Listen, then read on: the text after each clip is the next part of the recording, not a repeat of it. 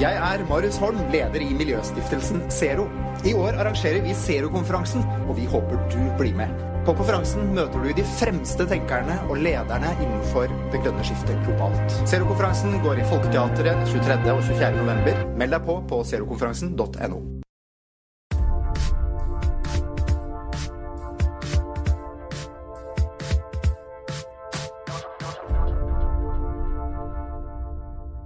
En Statoil-sjef i medvind var tittelen eh, på en stor reportasje i Aftenposten tidligere i år. Om det er en beskrivelse av eh, Irene Rummelhoffs virkeområde eller en vurdering av de andre Statoil-sjefene for tiden, det skal være usagt. Men jeg har eh, gleden av å ønske konserndirektør Irene Rummelhoff, leder for Statoil New Energy Solutions, opp på scenen. Vær så god, velkommen, Irene.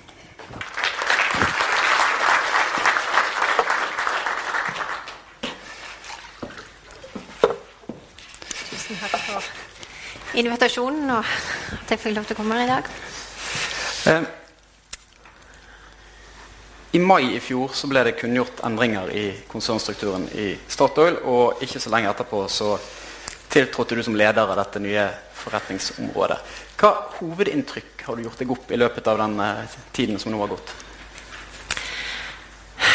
Nei, først og fremst må jeg si at det har vært en fantastisk reise. Eh, det har vært en bratt lærekurve. Eh, jeg hadde tidligere brukt 25 år av mitt liv i olje og gass og har nå fått anledning til å bli eksponert for en helt ny bransje.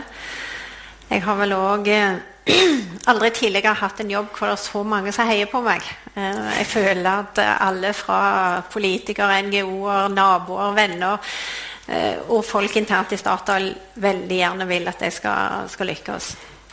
Eh, så det har vært et en fantastisk eh, privilegium. Hvis jeg skal se litt mer sånn på bransjen og kontekst, så må jeg jo si at jeg har lært mye. Og, og, de store overraskelsene er vel egentlig litt det som Luke var inne på her, hvor stor industrien er. Hvor mye penger og hvor mye seriøse penger som går inn i dette her. Eh, jeg trodde vel opprinnelig at det var en litt mer sånn idealistisk bransje, men dette er real money og, og, og skikkelig seriøse finansielle aktører som er på banen. Og så går det jo fryktelig fort i forhold til å redusere kostnader. Eh, og den utviklingen den ser jo bare ut til å fortsette og fortsette. Eh, både på sol og onshore og ikke minst òg offshore vind. Mm. Så, eh, og det er ingen tvil eh, om at det er bra for verden. Eh, så kniper det litt på marginene hos aktørene eh, i en fase nå, men eh, alt i alt så er dette en utrolig spennende utvikling. Vi skal komme tilbake til, eh, til de økonomiske aspektene ved det. Eh, og Vi skal innom flere temaer, men jeg har lyst til å begynne med havvind, og nærmere bestemt flytende havvind. Eh, det første nye prosjektet som din avdeling eh, tok investeringsbeslutning på, det var å bygge Hywind i Skottland. Som er en eh, jeg vet ikke om vi skal kalle det en videreføring av den piloten som har stått utenfor Karmøy siden 2009, mener jeg. som sikkert mange har både sett i, i levende live og, og, på bilder. dere skal bygge fem flytende turbiner utenfor Peterhead i Skottland. Hva er status for det prosjektet nå? Det prosjektet er i full gang. Eh, vi satser på å ha det opp i full produksjon i 2017. Så det er bygging av eh, disse tårnene eh, som pågår i Spania, eh, og all slags andre aktiviteter rundt omkring i hele Europa. Så, så det, det, går sin gang. Mm. Og, og, Det som, som, overrasket både meg og jeg tror mange med meg, var at omtrent hver tredje krone av de to milliardene som er investert i dette prosjektet, havnet hos norske leverandører. Eh, og Hvis du da i tillegg trekker ut turbinkostnaden, der det vel ikke er noen norske eh, alternativ til dette pro prosjektet, så, så, er jo prosentandelen enda større. Altså Overrasket det deg at norske aktører var så konkurransedyktige i dette prosjektet? Egentlig ikke. For vi følte at dette var en veldig naturlig position for Statoil, som er verdens største offshore olje- og gassoperatør. Og at da den samme industrien skulle følge oss i samme tankegangen og følge oss på prosjektene våre, var ganske naturlig. Eh, dette flyter jo, eh, og Hywind-konseptet er basert på SPAR-teknologi, som er typisk plattformteknologi som brukes mye bl.a. i Gulf of Mexico. Um, mange sam sammenligninger der. Eh, avhengig av anker, eh, håndtering, mooring, det flyter. Vi trenger de samme type installasjonsfartøyene som vi bruker i olje- og gassindustrien. Så når du tenker gjennom det, så, så burde det vel ikke overraske så veldig mye at eh, olje- og gassaktører eh, i alle fall var aktuelle for de, de fleste kontraktene der. Hva sier det om, om behovet for et hjemmemarked eh, for havvind, som er, har kanskje vært den store nasjonale diskusjonen de siste syv-åtte årene? Mm. Ja, dette er jo noe som jeg stadig vekk blir utfordret med om vi burde hatt havvind i Norge. Eh, og i forhold til strømbehovet vårt, så er det vanskelig å argumentere for det. Eh, de argumentene du eventuelt måtte bruke, det er å bygge opp og forsterke egentlig den lokale supplierindustrien. Og hjelpe de i overgangen fra olje og gass til eh, fornybart. Og skaffe eh, lokale arbeidsplasser. Mm. Det er der et rasjonale og en argumentasjonsrekke som du, du kan kjøre. Eh, og vi ser jo det at eh, f.eks. UK, som har tatt lead på dette med eh, offshore wind med bottom fixed offshore wind, eh, egentlig har jo store forventninger eh, og store ambisjoner om å bygge ut sin eh, supplierindustri. Eh, nettopp for å kunne da vinne eh, på en globalt basis. Eh, samme ser vi i Frankrike og i de fleste andre landene. Har, har, Statoil som til syvende og sist en statlig bedrift et ekstra ansvar for å tenke på norske leverandører når dere nå skal ut i verden? Nei. Eh, vi har med i vår olje- og gassvirksomhet og, og i vår offshore-virksomhet så velger vi de best kvalifiserte leverandørene. og Da ser vi på pris, men vi ser òg på ting som f.eks. sikkerhet. Så vi har faste kriterier, og vi vurderer alle på lik linje. Mm. Møter du mange som er uenig i den vurderingen? Det vil det alltid være. Mm. Eh, jeg husker eh, litt tilbake til du åpnet med, Jeg intervjuet deg for ca. et år siden. og Da sa du at noe av det som var annerledes, var at du kom fra en jobb der eh, sikkert satt litt på spissen fra sine, der ingen brydde seg om hva du gjorde, til en jobb der alle hadde en mening om hva du gjorde. Hva, hva er liksom innspillene og tilbakemeldingene du får? Eh, du har jo vært mye rundt og på, på, konferanser. Du har vært på mm. Bloomberg i, i New York og, og tilsvarende eh, sist nå på, på ONS og, og levert eh, ditt budskap. Hva, hva, er tilbakemeldingene du får? Jeg vil si at vi får gjennomgående gode tilbakemeldinger. Det er stor forståelse og støtte for at Statoil eh, engasjerer seg i eh, fornybarsegmentet. Så er det alltid en utålmodighet om hvorfor vi ikke gjør ting raskere. Eh, og vi gjør mer, og vi gjør det i større skala. Og ikke minst hvorfor vi ikke driver med andre teknologier enn det vi har satsa på eh, i utgangspunktet. Men generelle konseptet om at Statoil engasjerer seg innenfor fornybart, det vil jeg si at det er gjennomgående eh, stor støtte for. Mm. Tidligere så har du sagt at eh, vindkraftprosjektene har konkurrerer om investeringsmidler på lik linje som, som eh, olje- og gass- eller felt, feltutbygginger. Eh, og så har du også sagt at vindkraft har en bedre risikoprofil enn nye feltutbygginger. Eh, hva legger du i det? Nei, eh, jeg må, med mine prosjekter eller våre prosjekter må konkurrere med olje- og gassprosjektene. Eh, vi har begrensa eh, kapital i, i Statoil, ikke minst i disse dager, og vi må konkurrere. Og så sier jeg òg at vi må konkurrere på, på lik linje. Eh, men når det er sagt, så klarer vi å ha to tanker i hodet på samme tid. Og det er at disse prosjektene har en annen risk reward-profil.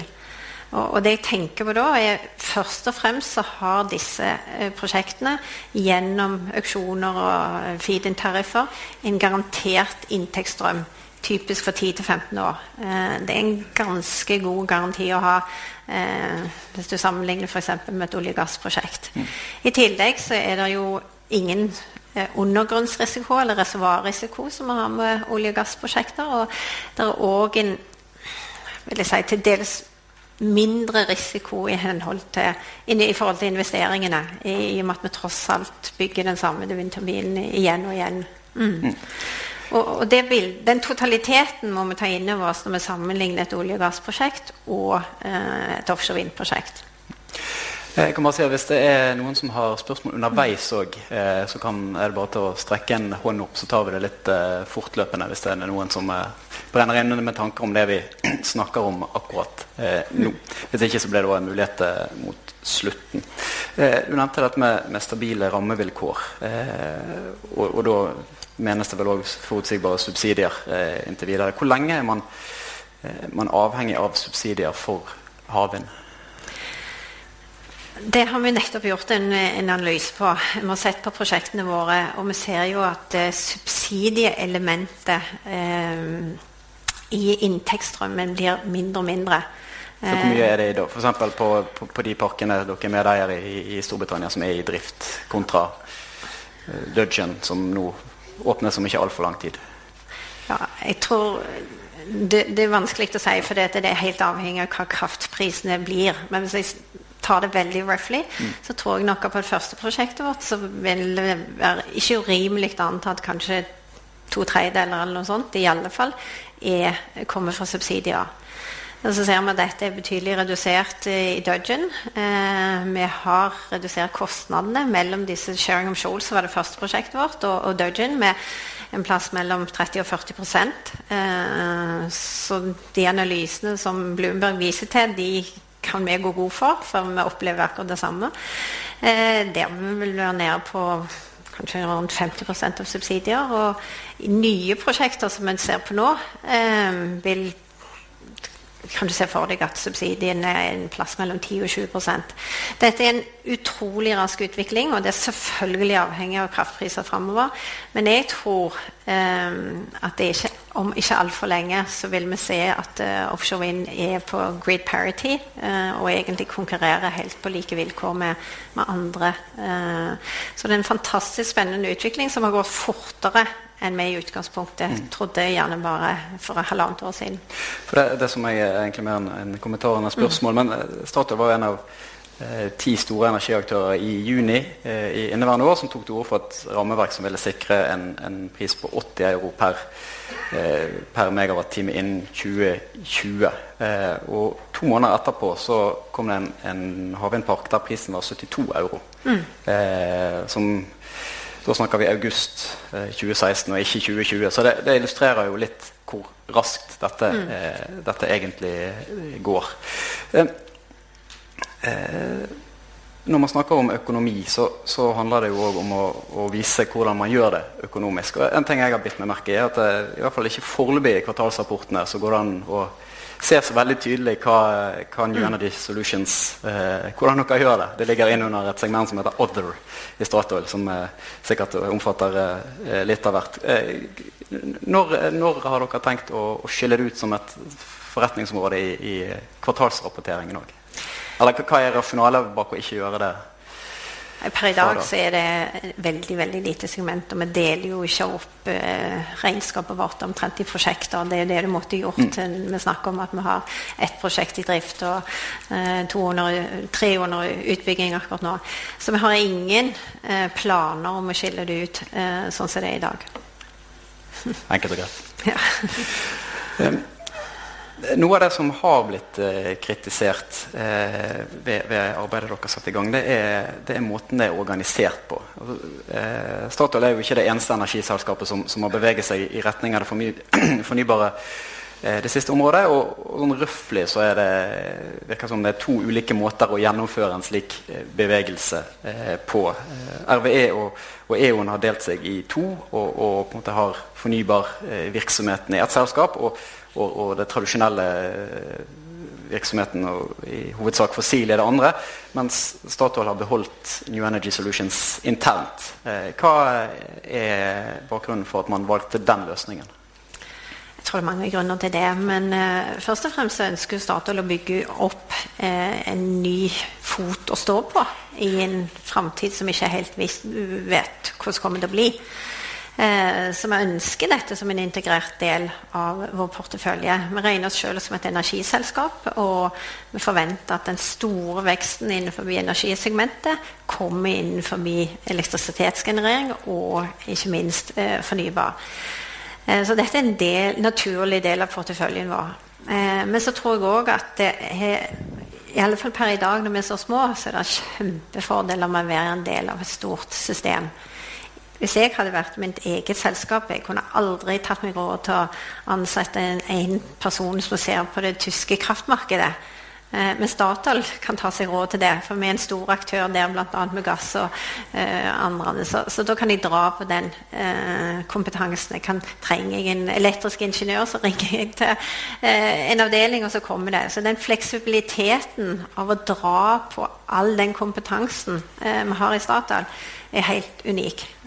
Så tror jeg òg det er viktig eh, Vi har en sterk finansiell situasjon til tross for lav lave oljepriser de siste årene, så vil jeg si at den finansielle situasjonen vår er robust. Vi har et brand name eh, med en solid aktør med et godt rykte i, veldig, veldig mange markeder.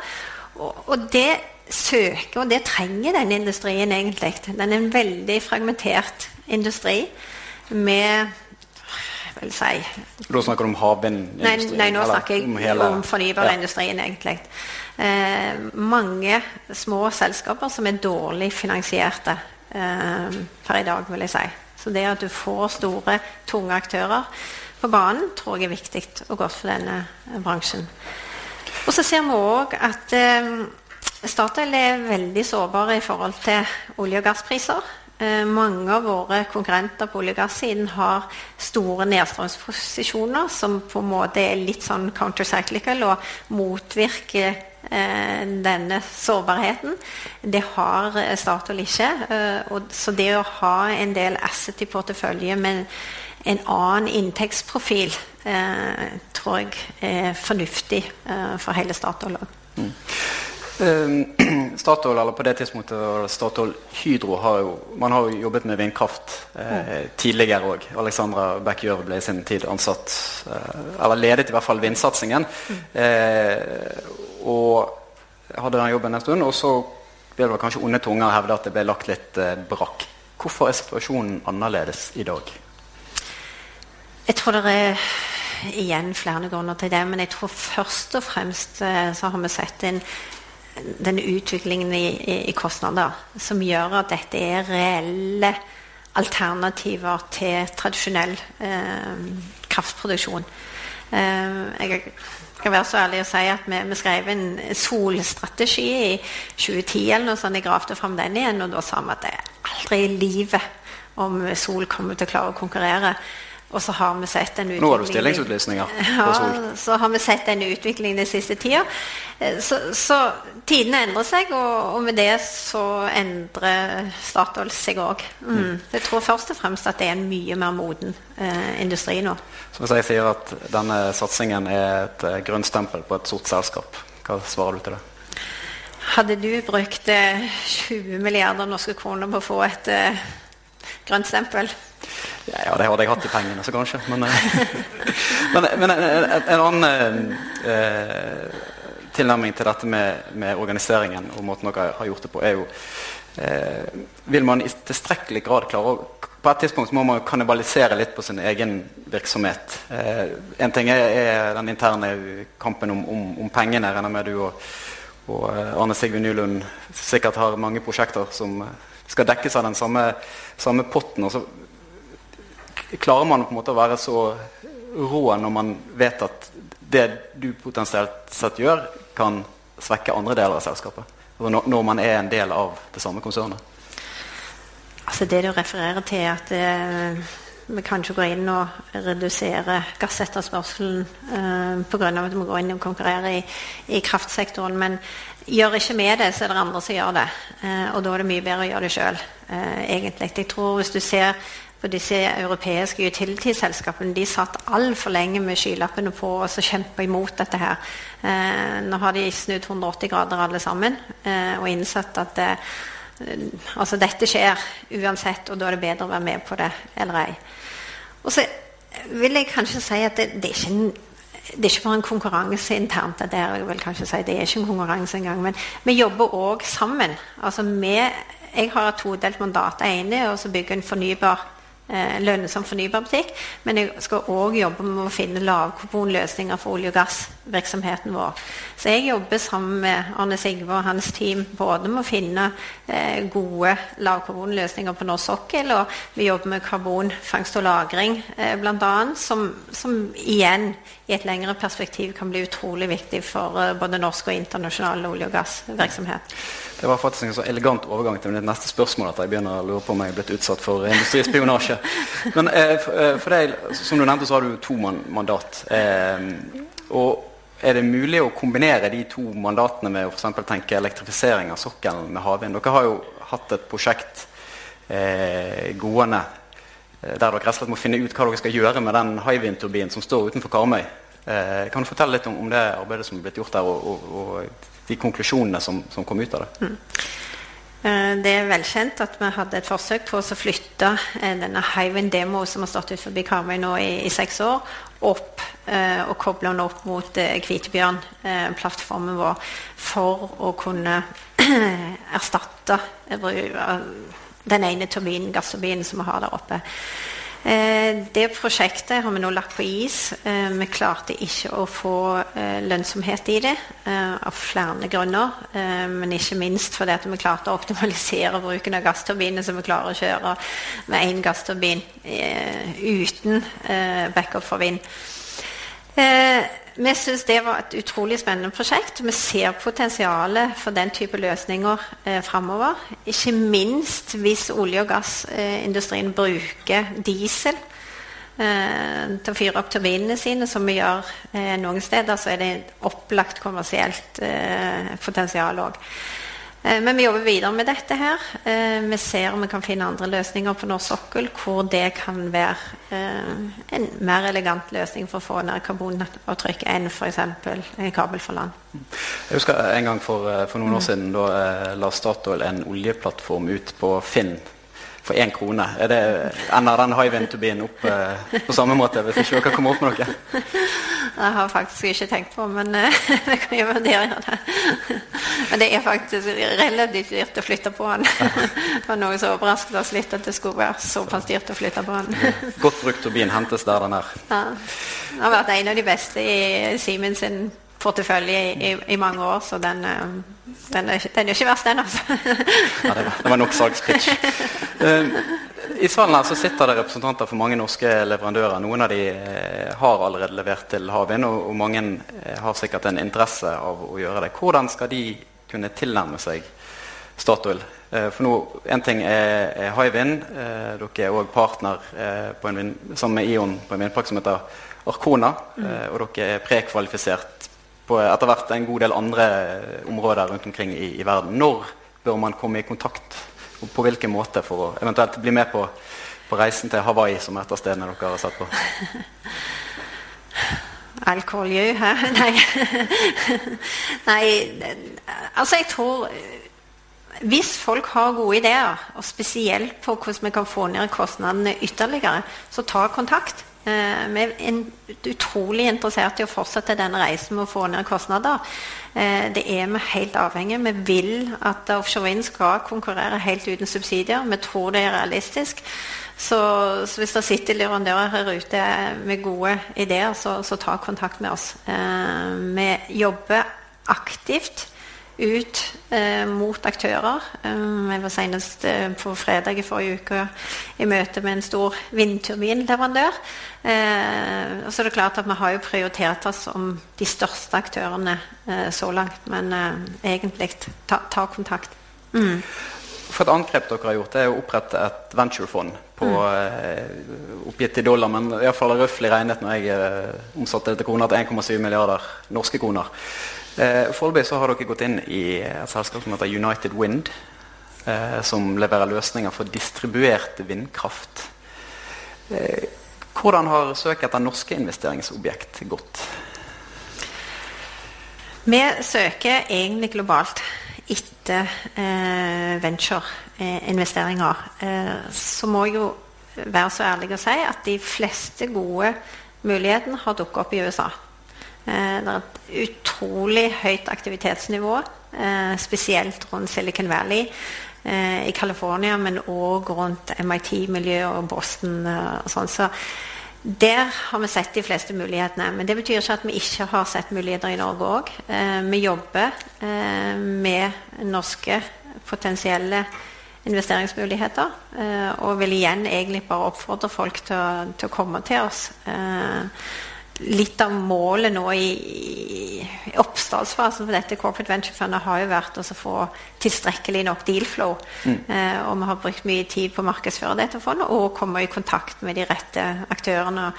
Og en del eh, av, av, det er å gå ut og snakke på konferanser og egentlig markedsføre det fondet, så folk vet eh, hvor de skal ta kontakt Og det, det er bredere enn en vindkraft? Det er ganske det er bredt enn eh, perspektiv? Vi, vi, har egentlig en tredelt strategi. Eh, den ene er å investere i selskaper som kan hjelpe oss med å eh, øke effektiviteten egentlig, eller få ned kostnadene på den butikken vi allerede er i. Typisk uh, offshore vind. Uh, andre er at vi gjennom denne type selskaper kan teste nye teknologier, nye markeder, nye forretningsmodeller, som vi for så vidt har gjort med distribuert vind i, i USA.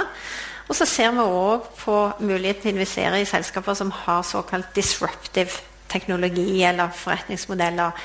Eh, og en annen investering som vi har gjort, er jo i eh, elektriske ladeselskap. Eh, og det er for å forstå den disruptive potensialet som ligger i dette med elektriske biler, som også mm. Bloomberg eh, var innom. Eh, for det kan ha en direkte impact på, på etterspørselen etter olje og, og eh, ren energi. Det ble mye oppstuss rundt to uh, Finn-annonser dere hadde i forrige uke. To forretningsutviklere på solenergi. Uh, Statoil er kanskje det eneste selskap som får en helside i DN når de ut en stilling. Hva, hva, er tanken her? Først og fremst så må vi si vi er veldig glad for all den oppmerksomheten vi fikk rundt de stillingene. Så jeg regner med at vi får veldig gode kandidater uh, til de da. nei, altså vi har vi begynte eh, å tenke på strategi, så var det veldig naturlig for oss å gå til offshore vind. Eh, det var naturlig for oss å vurdere karbonfangst og -lagring. Det er noe vi har holdt på med i lang tid. Geotermisk energi er noe vi har vært borti og vi jobber litt med på forskningssiden. Igjen veldig naturlig, for vi har den kompetansen innenhus, og vi kan bygge videre på det. Men så har vi sittet og sett på eh, sol, og solkostnadene og solutvikling. Og det er jo ingen tvil om at det, det skjer utrolig mye. Eh, og det å være et energiselskap og ignorere det som skjer på sol, eh, tror jeg er i beste fall litt naivt. Eh, så vi må i alle fall forstå det så tror jeg òg at i framtiden så vil vi se mer kompliserte løsninger. Nå er det litt sånn enkelt. Et solselskap bygger ut en solpark, en onshore vind-spiller bygger ut en onshore vindpark. Men jeg tror framtiden vil kreve komplekse løsninger hvor du kombinerer sol, onshore vind, lagerkapasitet, kanskje et gasskraftverk. Og en sånn verden tror jeg vil passe godt for Statoil. Og i en sånn verden vil vi trenge i alle fall et minimumskompetanse på sol. Så vi har bestemt oss for å vurdere det og se på det, og om det er muligheter for oss å gjøre en forskjell, egentlig, og faktisk tjene penger på dette. Og for å gjøre det så anerkjenner vi at vi trenger ekstern hjelp, og har derfor søkt eh, etter disse to posisjonene. Er det noen i salen som brenner inne med spørsmål så langt? Det var en fryktelig taus gjeng. Ja, jeg har uh, mer på blokken, så da kan dere få lov å tenke litt uh, til. Jeg har um, de siste ukene fått en veldig tett forhold til uh, registrene til de amerikanske energimyndighetene. For der dukker det stadig opp nye områder der Statoil har prekvalifisert seg. Og, og foreløpig så si, Uten å ta munnen for full, men foreløpig så virker jo den listen litt som ferieplanene. Det er Hawaii, det er California og det er New York som er de tre siste. Eh, og, og altså En prekvalifisering er jo da at dere er med i et løp fram mot, mot en, en, mulig utbygging på et senere tidspunkt. Eh, og hva er det med disse tre, altså den amerikanske kysten som, som, helhet som er, er, attraktiv for dere? Og hvorfor er dere med i disse prekvalifiseringene? Mm. Nei, Vi ser på USA som et utrolig spennende marked. Foreløpig har offshore wind vært konsentrert om nordvestlige deler av Europa. Eh, USA eh, har hatt en rivende utvikling, egentlig eh, siste året bare. Eh, og vi forventer egentlig lisensrunder, i alle fall i tre stater, i, i 2017. Eh, de har til nå ikke hatt et regulert system for såkalte feed-in tariffs eller auksjoner. Eh, men når kostnadene nå har redusert seg så eh, fundamentalt, egentlig, eh, så begynner vi å nærme oss at vi kan leve med eh, den type strømpriser som allerede er i USA. Så kombinasjonen av at det, det er en vilje hos amerikanske myndigheter til å satse på dette, og det at kostnadene har gått ned, gjør at vi ser på dette som et utrolig spennende marked. Så har vi vært innom dette med flytende havvind tidligere, og Hywind-konseptet. Eh, på østkysten av USA så er det først og fremst eh, den tradisjonelle havvinden som er, står fast på havbunnen. Men med en gang du kommer til vestkysten, så har, eh, går havbunnen veldig dypt ned. Og over 50 meter havdyp fungerer ikke den tradisjonelle eh, offshore havvind. Så da snakker vi om flytende. Så vi ser jo muligheten for å eh, videreutvikle Hywind-konseptet vårt både i California og Hawaii. Eh, og er spesielt interessert i, i de markedene av den grunn. Mm. Dere samarbeider med, med Ion, eh, som et annet kraftselskap europeisk, på utbyggingen som heter Arkona, eh, som dere allerede har besluttet. Og dere er òg partnere på, på, på, parker som er under eh, på, på steget fram mot at man skal levere inn et, et bud for å få lov å, å drifte den. Eh, hvor formelt er det samarbeidet? Altså når dere har valgt den samme partneren eh, begge gangene, hvor, hva er det med Ion som gjør at dere fungerer godt i lag? Og hvorfor ønsker man den type partnerskap i utgangspunktet? Jeg tror først og fremst eh, så har Statoil vokst opp med partnerskap. Eh, vi har blitt tvunget inn i partnerskap av norske myndigheter på norsk sokkel i snart 50 år. Eh, og vi har lært å sette pris på det. Eh, vi ser at det er komplementære eh, kompetanser blant andre selskaper, eh, eller blant selskapene i disse partnerskapene, og vi ser at det er en naturlig sånn check and balance med å ha med flere partnere.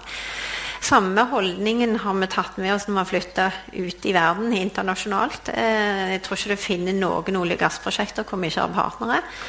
Og litt dette tar vi òg med oss inn i, i fornybarverdenen.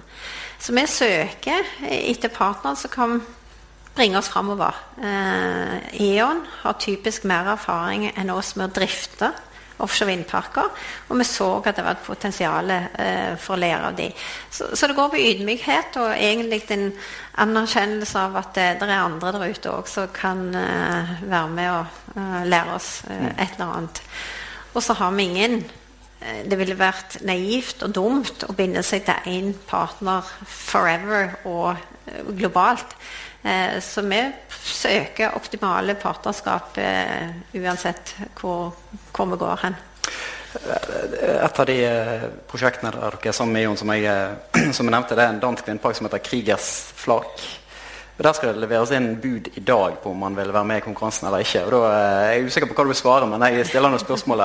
Kommer dere til å levere inn bud Jeg tror det er kjent at vi er prekvalifisert for å levere nettbud et bud eh, sammen med E.ON. Eh, jeg tror Jeg er faktisk litt usikker på om jeg tatt kan kommentere i henhold til sånn konkurransereglement om vi skal levere en bud eller ei, så jeg tror jeg eh, passer på den. Det er greit. Mm. Eh, hvis ikke det er noen uh, spørsmål uh, i salen Jeg speider og speider, så tror jeg jeg har lyst til å stille avslutningsspørsmålet. Og det er altså, hva er neste milepæl for din avdeling? Skal vi se um, Har jeg akkurat tenkt gjennom liksom, de store milepælene for, for, 2017, og det er en del av de. jeg tror vi har jeg har vært innom dette med sol. Det skal bli veldig spennende eh, å se hva vi finner ut innenfor det området. Eh, vi jobber tett sammen med norske myndigheter på et karbonfangst- og lagringsprosjekt på norsk sokkel. Eh, veldig spente på det. Og så ikke minst så har vi dette store prosjektet vårt som vi kaller for Doggerbank eh, utenfor UK, eh, som er verdens største uutbygde havvindpark. Eh, som eh, til sammen har potensial til opptil 4,8 gigawatt. Dette kommer vi til å jobbe eh, videre med og satse, satse tungt på neste år. Så det var vel det som Vil det si at man bestemmer seg for å investere i det til neste år, eller? Eh, det som skjer, er at eh, de eh, britiske myndighetene har bestemt seg for å ha tre såkalte Contract for Difference-auksjoner i løpet av de neste tre-fire årene. Og vi må da eh, modne fram dette prosjektet, sånn at det er klart å delta i en av de auksjonene. Og det er det som vil være hovedjobben vår framover på den. Mm. Tusen takk Irene, for at du kom og delte dine tanker med oss. Du blir vel òg med en liten stund, iallfall i den kommende kaffepausen som begynner uh, nå. Uh, og hvis vi er tilbake igjen her til 13.50, så fortsetter programmet da.